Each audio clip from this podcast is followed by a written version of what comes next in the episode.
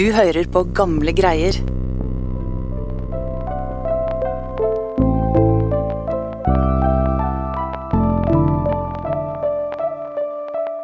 I 1886 så blussa det opp et offentlig drama i Norge rundt den tidligere ministeren, professoren og samfunnsstøtta Ebbe Hertzberg.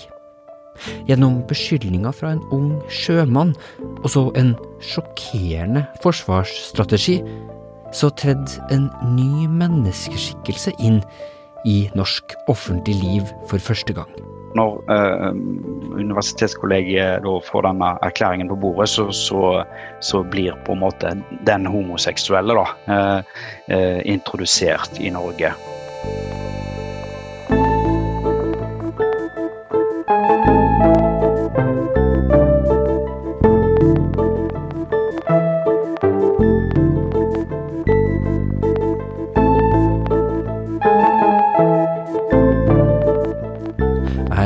Askild Matre Aasarød, og jeg sitter her i kjelleren under Nasjonalbiblioteket, hvor jeg leter etter dunkle drama og glemte liv fra norsk historie.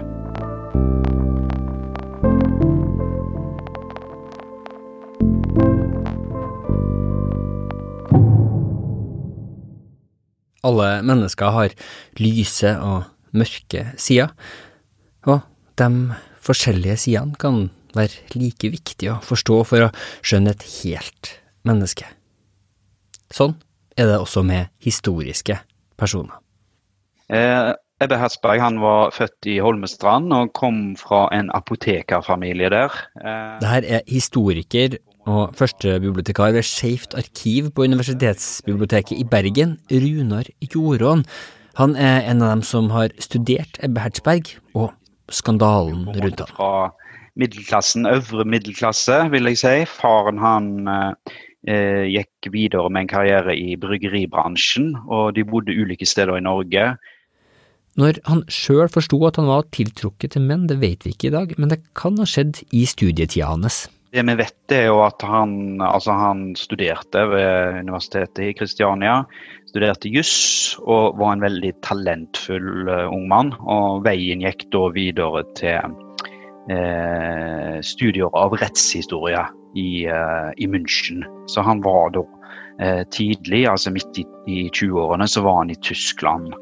Eh, og han var de i de store byene ute på kontinentet. Eh, og der var det jo allerede slik at det var møtesteder for uh, menn som han. Kan du si noe om hva vi vet om de skeive miljøene i Norge på den tida her? Altså, var det en, eh, en skeiv undergrunnskultur som man vet noe om? Ja, eh, det tror jeg nok det var. Og den kulturen er jo da mulig å finne, i alle fall fra 1890-tallet og framover. Eh, og kanskje også fra 1880-tallet gjennom, gjennom kilder fra, fra, rettsvesen og politi. Man kan se da antydninger til at det finnes møteplasser i det offentlige rom gjennom at man møttes i parker og, pissoarer i, i nattens mulm og mørke. Eh, og Det som òg er interessant, er jo at eh, på midten av 1880-tallet så er det slik at eh, det tydeligvis da kan gå rykter om enkelte personer.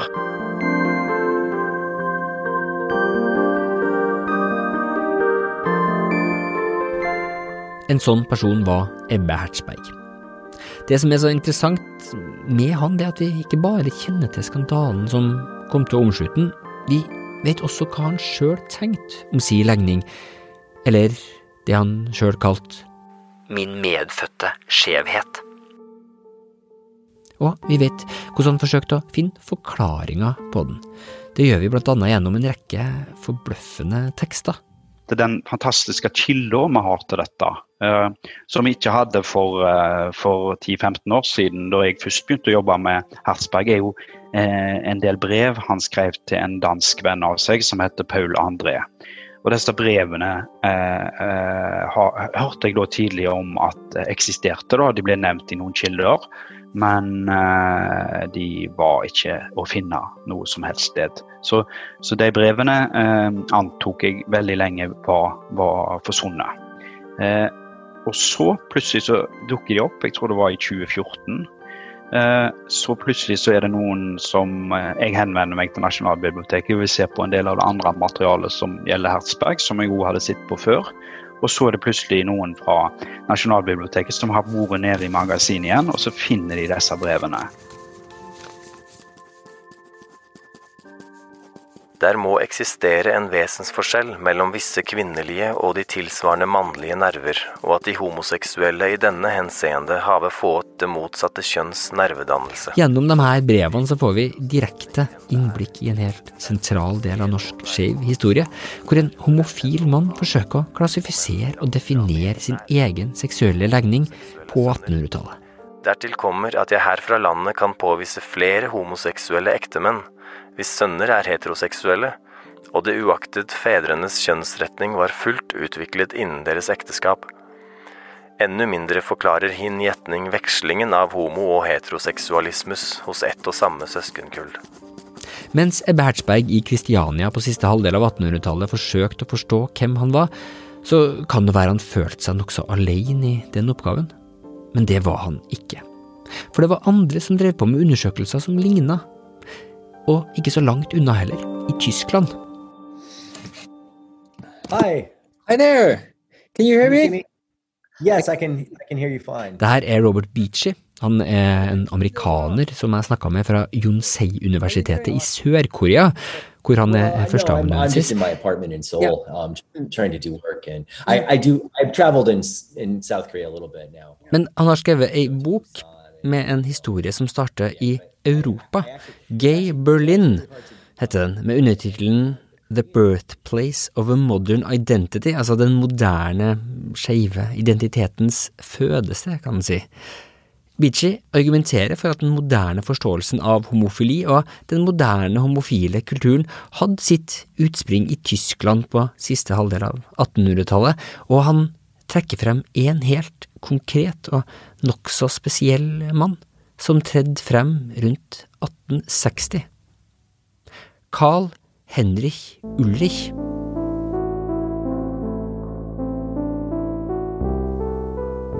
Ulrich sitt liv det speiler elementer av Bertsbergs bare noen år før.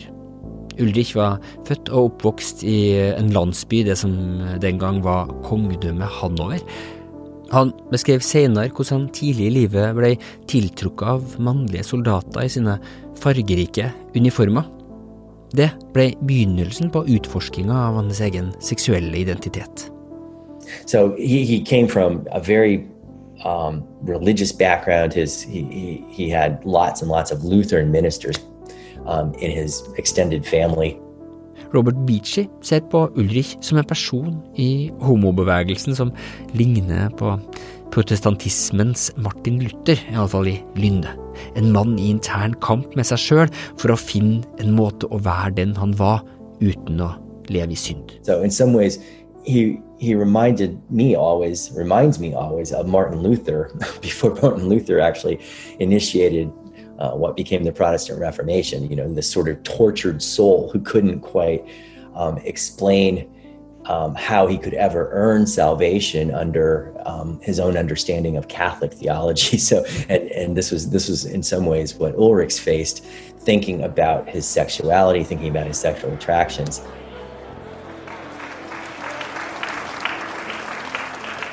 Så 29. august 1867 så fikk han, etter flere år hvor han hadde skrevet pamfletter og argumentert for at samkjønna tiltrekning ikke var en perversjon, en mulighet tale for en stor gruppe jurister i München.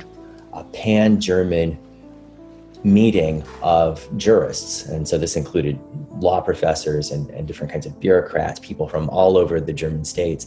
And at this meeting, he began to talk about the inequity or the unfairness um, of the anti gay law, the anti sodomy statute in Prussia. And he never finished his speech. he was booed off the stage, but he was in effect announcing to the world that this was who he was. And so, you know, he's often described as the first gay man to out himself. Han ble altså bua av scenen, men gjennom denne handlinga så kan vi se på han som den første homofile mannen som kom ut av skapet i moderne forstand. Et slags vardøger til det Ebbe Hertzberg skulle oppleve noen år senere i Kristiania. Så er spørsmålet hvordan ville Ulrich definere seg sjøl? Ville det han så seg sjøl som, være det samme som vi kaller homofili i dag? Han hadde laga seg en egen teori om sin legning, og et helt eget begrepsapparat. Et nokså underlig begrepsapparat. Well, he developed a theory, um, and he also developed um, a vocabulary to talk about uh, people who were attracted to their own sex. And his theory would strike many today as a little bit odd. I mean, so he he believed in effect that he was born a man, but he had the psyche of a woman. Han så også seg sjøl og andre, det vi i dag vil kalle homofile menn, som menn født med kvinnesjela.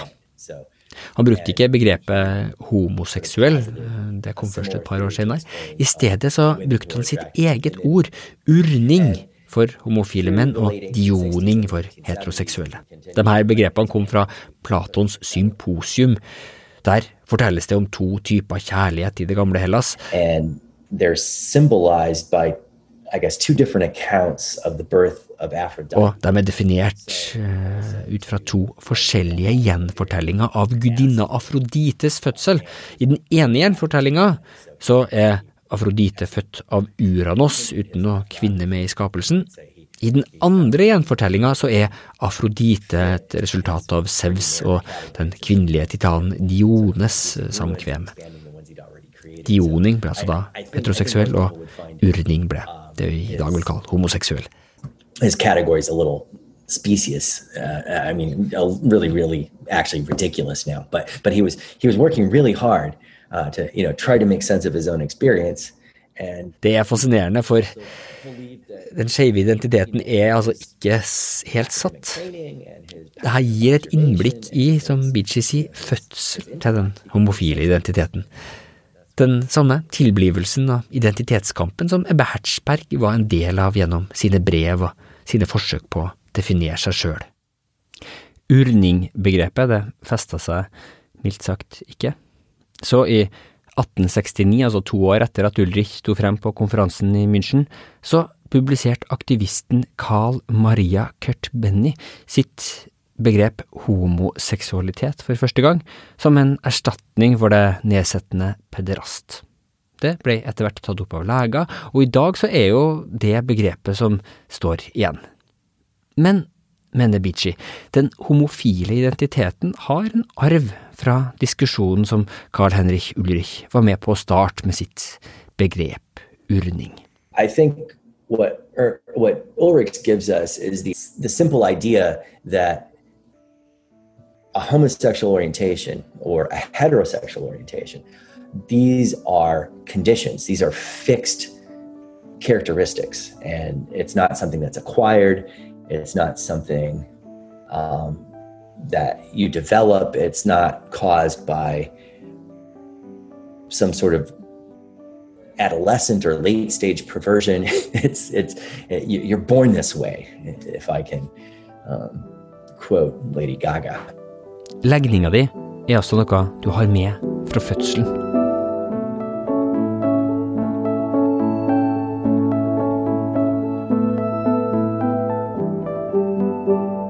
Diskusjonen som foregikk i Tyskland, den kjente Ebbe Hertzberg godt til.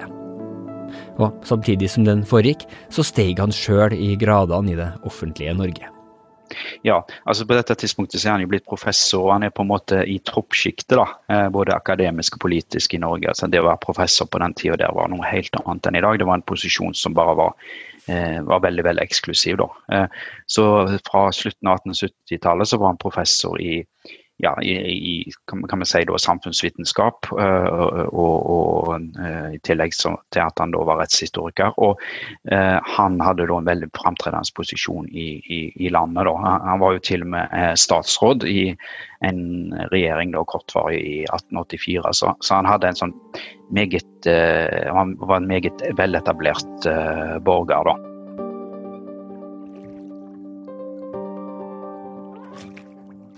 Det som skjedde, var at det begynte å gå rykter om han.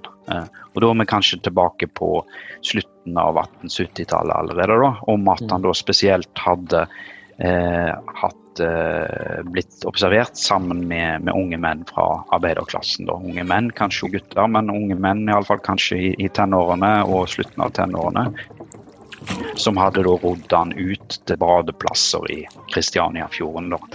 Uh, og disse ryktene de fikk etter hvert bein å gå på. Uh, vi kan se for oss at Kristiania uh, var, var, fremdeles ganske liten by. Og disse ryktene begynte å spre seg som ild i tørt gras.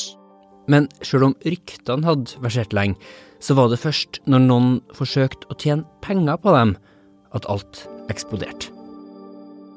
Nei, altså Den utløsende faktoren var jo da at han ble oppsøkt av en mann Eh, en sjømann som hadde vært ute på, på, eh, på, på de sju hav. Og så kom han tilbake til Kristiania.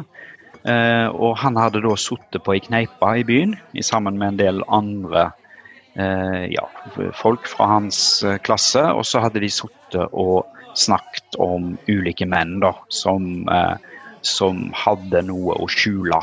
Og, og, da hadde, det, hadde Herzberg sitt navn kommet opp. Eh, Herzberg var jo da en mann som eh, var ganske høyt på strå, eh, økonomisk og velstående. Og han var en mann det var mulig å tenke seg at man kunne presse penger for, da. Så denne her sjømannen da hadde oppsøkt Herzberg og påstått at han var en av de som, som Herzberg tidligere hadde hatt et seksuelt forhold til. Og hvis eh, Hertzberg ikke eh, ga ham penger, så vil han da avsløre eh, dette forholdet.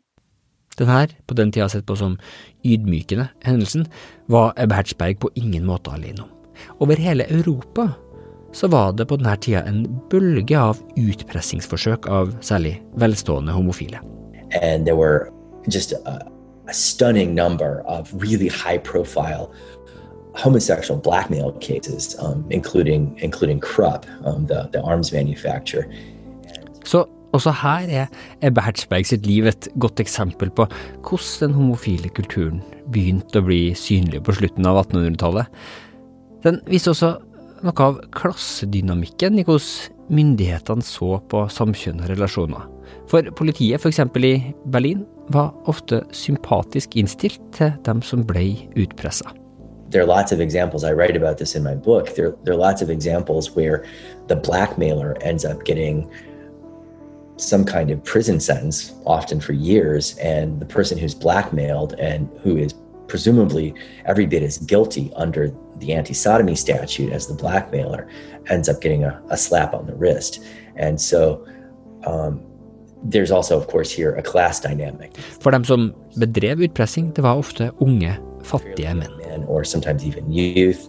Um, they were relatively poor. I mean, sometimes they were just street hustlers or, or petty thieves, and they looked for opportunities to get money. I mean, they weren't always even male prostitutes. Sometimes they were just, you know, they were just uh, trying to trap somebody and then get money out of them.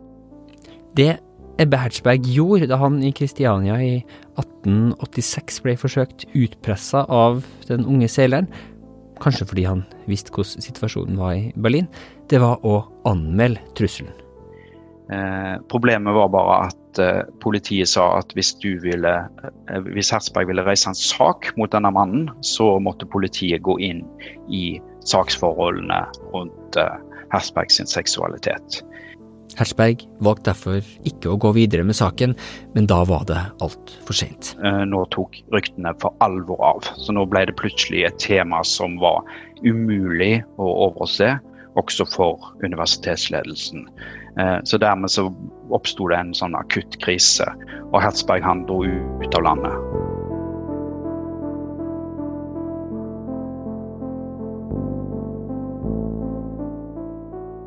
Og der kunne saken ha slutta, men det gjør den ikke. Og det Hertzberg nå gjør, er det som får hendelsen til å bli historisk, for han kjemper tilbake.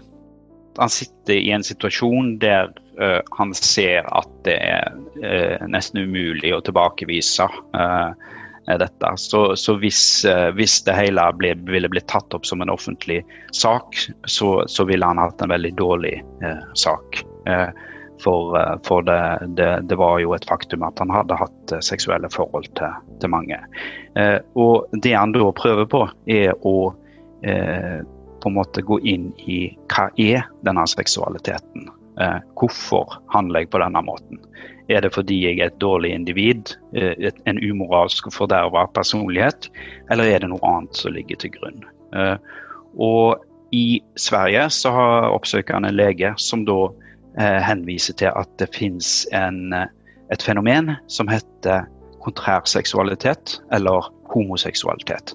Den svenske legen gir attest til Hertzberg på at han har den herre medfødte særegenheten. Hertzberg utforsker det her videre i Tyskland, hvor han gikk til den første legen som hadde fatta interesse for Carl Henrich Ulrich sine tanker om urningen. Så reiser han tilbake til Norge med de her attestene. Eh, og Dermed så får man på første gang denne her fødselstankegangen, eller legningstankegangen, blir da introdusert i Norge gjennom denne prosessen. Legningen hans var ikke en sykdom, mente Bertsberg, som han nøkternt formulerte i et privat brev. En sykdom, en nervesvekkelse, er homoseksualiteten i mine øyne i og for seg ikke.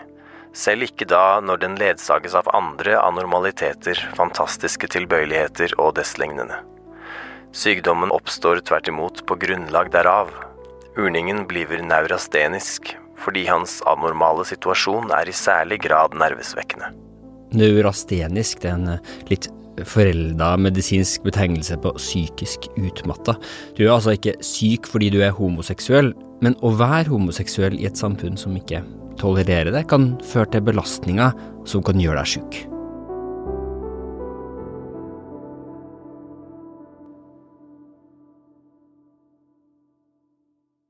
det, det, det, høres kanskje litt naivt ut, men, men, han har på en måte en tro på at, at dette i alle fall mm. kan, kan være et forsvar. da.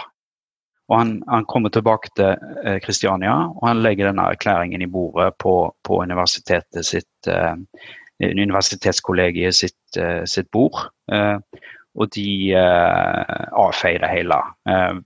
hvis det i tilfelle er sånn, så sier de at det er en desto større grunn til å holde Hertzberg vekke fra, fra, fra å undervise den mannlige ungdommen. Da. Og, eh, så dette fører da til at eh, Hertzberg får ingen forståelse på universitetet, da, og dermed så må han trekke seg tilbake fra alle verv i offentligheten. Det han også da har gjort, riktignok under sterkt press, men på eget initiativ, det var stå frem som homoseksuell. Ikke ulikt det Ulrich gjorde på konferansen i München omtrent 15 år før.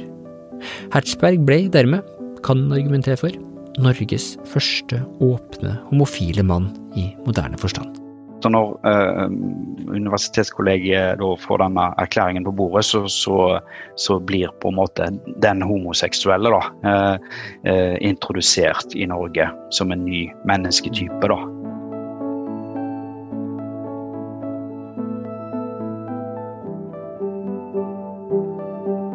Etter skandalen så forsvant Bertsberg fra offentligheten. Han trakk seg tilbake til fødebyen sin, Holmestrand. Eh, og han fikk faktisk der lov til å jobbe med sine rettshistoriske studier. Eh, men han var langt unna den, eh, den posisjonen han hadde hatt før. Forgjengeren hans i Tyskland, Carl Henrich Ulrik, han gikk bort i 1895, og han og begrepet hans urning forble nokså obskurt frem til nokså nylig. Men Hertzberg forble ikke i skyggene. Fra slutten av 1890-tallet så kom han begynner han gradvis å få nye verv i den norske offentlighet. Etter hvert så ble han sluppet delvis inn i varmen igjen, ettersom offentligheten valgte å for det meste glemme hendelsen. Han begynner å få verv som at han blir leder for eh, Den norske hypotekbank i 1900. Til slutt så ble han riksarkivar, noe han var frem til han døde i 1912.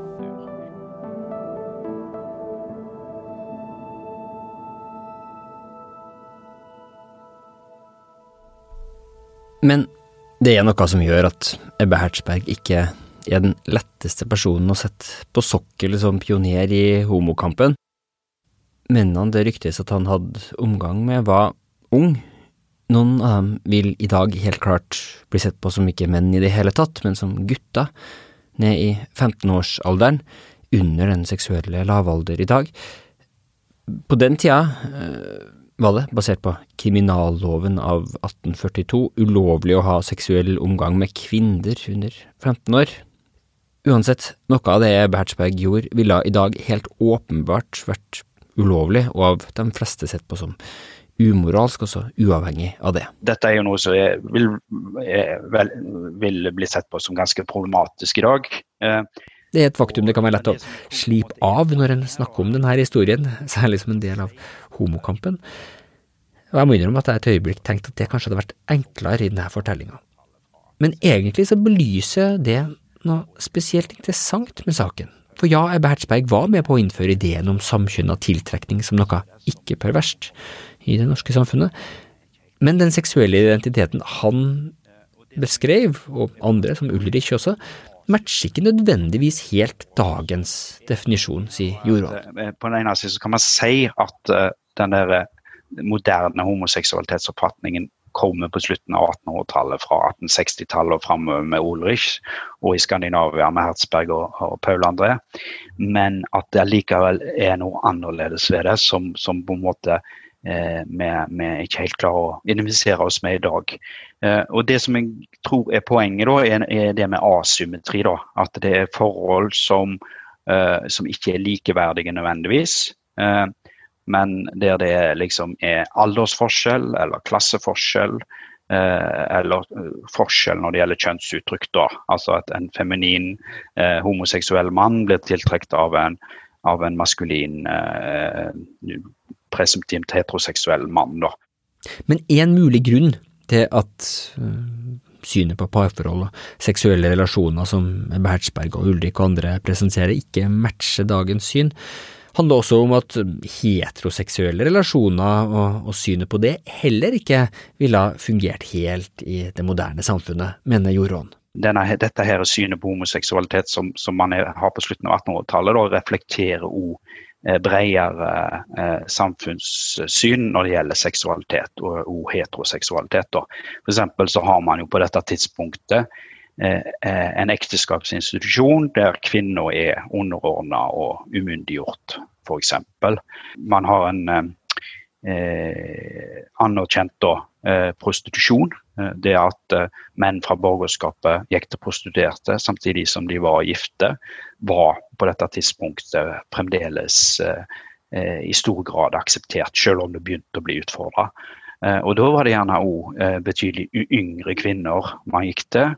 Og, og det var en sånn idé om at det var en forskjellighet. Dette er et tema som tydeligvis også ble diskutert på slutten av 1800-tallet, om enn i det skjulte, som Ebbe Hertzberg sjøl formulerer det i et av sine private brev. Elskov til unge mennesker på 15-16 år er likeså litt en særlig komplikasjon hos urninge som det er en særlig komplikasjon hos alloseksuelle at foretrekker kvinner i samme alder. Alloseksuell er et annet ord på heteroseksuell. Men det her er vel knappest et godt forsvar sett fra i dag. Vi kan ikke bare skylde på tida Ebbe Hertzberg levde i. Men det viser uansett at han ikke var alene, verken blant homofile eller heterofile i det han gjorde. Eh, så Dermed så kan man si at eh, denne her ideen om den moderne homoseksuelle, ja, den kommer på slutten av 1800-tallet. Eh, men den ideen om, om likeverdige parter på samme alder, samme sosiale klasse, den, den er fremdeles relativt ukjent. Så, så den der moderne seksualitetskonstruksjonen da har sin spire på slutten av 1800-tallet, men, men, denne her ideen om likhet da, kan vi kanskje spore aller mest til 1930-tallet og, og, de radikale, kulturradikale seksualopplyserne. Bertsberg står igjen som et eksempel på den kanskje aller mest spennende type historisk skikkelse, tenker jeg iallfall jeg. En som på den ene sida virker så utrolig nær oss i dag, så gjenkjennelig i sine kamper og i følelseslivet sitt. Og så samtidig så uendelig fjern.